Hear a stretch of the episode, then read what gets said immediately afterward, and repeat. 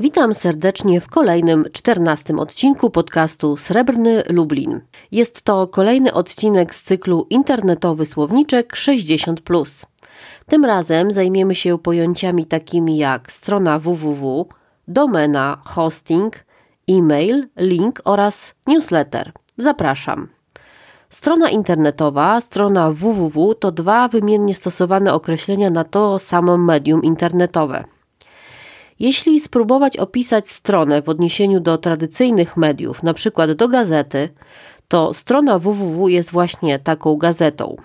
Wpisujemy adres strony, tu się posłużę przykładem naszej strony internetowej www.fundacjakaruzela.org.pl i ukazuje nam się pierwsza strona.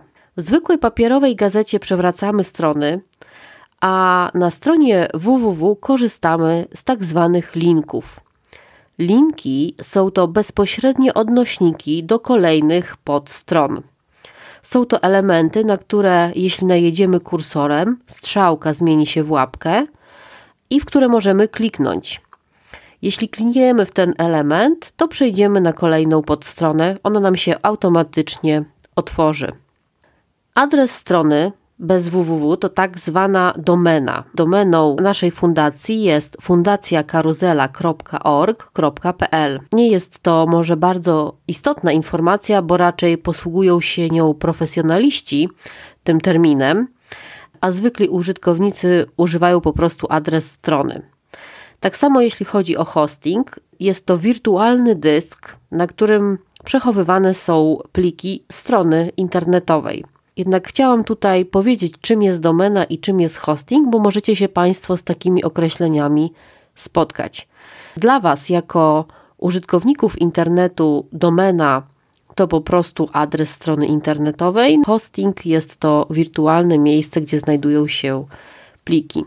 Jeśli chcielibyście zakładać sami bloga lub stronę internetową, terminy mogą być dla Was bardziej interesujące. Kolejnym terminem jest bardzo popularnym zresztą e-mail. E-mail to po prostu internetowy list. Aby go wysłać lub odebrać, należy mieć skrzynkę pocztową, skrzynkę poczty elektronicznej. Jest wiele serwisów, które umożliwiają założenie takiej skrzynki, i przy zakładaniu naszej osobistej skrzynki internetowej określamy swój adres e-mail. Cechą charakterystyczną adresów e-mailowych jest to, że jest, znajduje się tam małpka, tak zwana, czyli takie A w kółeczku. Przykładowy adres e-mailowy naszej fundacji to kontakt małpa. Jest to tak zwany adres w domenie, ale dla osób indywidualnych jest wiele serwisów, które umożliwiają zakładanie bezpłatnych nawet, skrzynek internetowych. Może być to gmail.com, może być to tlen.pl. I taki adres osoby indywidualnej może wyglądać na przykład imię małpa gmail.com lub imię nazwisko małpa tlen.pl lub imię kilka cyferek na przykład 1955 małpa gmail.com te cyferki są potrzebne, ponieważ musi być to adres unikatowy. Przy zakładaniu skrzynki możecie też się spotkać z taką sytuacją, że właśnie będzie informacja, że dany adres już istnieje. Wtedy trzeba do wybranego e, adresu dołożyć jakieś cyfry lub dodatkowe litery. Tak jak w przypadku zwykłego listu, aby wysłać maila, musimy mieć adres odbiorcy, e-mail osoby, do której chcemy wysłać ten elektroniczny list. Może zdarzyć się też taka sytuacja, że na naszą skrzynkę odbiorczą będą przychodzić niechciane maile, niechciane listy, czyli spam. Są to maile, których nie chcemy otrzymywać. Mogą stanowić one także próbę oszustwa. Na przykład mail, w którym możemy przeczytać, że jakiś nieznany książę chce nam przekazać majątek, że jesteśmy krewnym lub krewną kogoś bogatego. Ludzie potrafią także dostawać niby maile od gwiazd kina. Zazwyczaj w tych mailach znajdują się albo jakieś linki, które po kliknięciu mogą zainfekować nasz komputer, albo ci podający się ludzie chcą abyśmy wpłacali im jakieś pieniądze. Należy też zwrócić uwagę na maile, które wyglądają jak od dostawców różnych usług medialnych, np. internetu, telewizji, albo od firm kurierskich lub banku. Są to maile, które mają wyglądać jak maile od prawdziwych firm, Natomiast chodzi o to, żeby naciągnąć nas na pieniądze. Na przykład, jeżeli nie mamy konta w danym banku, a ten bank wysyła do nas maile, to może oznaczać, że ktoś próbuje dokonać w ten sposób oszustwa. Trzeba bardzo uważać na wszelkiego rodzaju linki w mailach e, i prośby o kliknięcie. Jeśli na przykład otrzymujecie Państwo maila ze swojego banku i jest w nim prośba o to, żeby kliknąć w taki przycisk w mailu, a nie jesteście pewni, albo macie podejrzenia jakieś, czy nie jest to fałszywy mail, to najlepiej go zamknąć i normalnie, tak jak zwykle, wejść przez przeglądarkę internetową na stronę swojego banku, tak jak zawsze wchodzimy, i sprawdzić, czy dane informacje się tam znajdują. Czasami trzeba się zalogować do swojego konta e, i chyba większość banków ma taką opcję wiadomości i sprawdzić, czy tam jest taki sam list, jak dostaliśmy na skrzynkę mailową. Posiadanie własnego adresu e, internetowego, właśnie własnego adresu e-mailowego daje nam możliwość zapisania na tak zwany newsletter.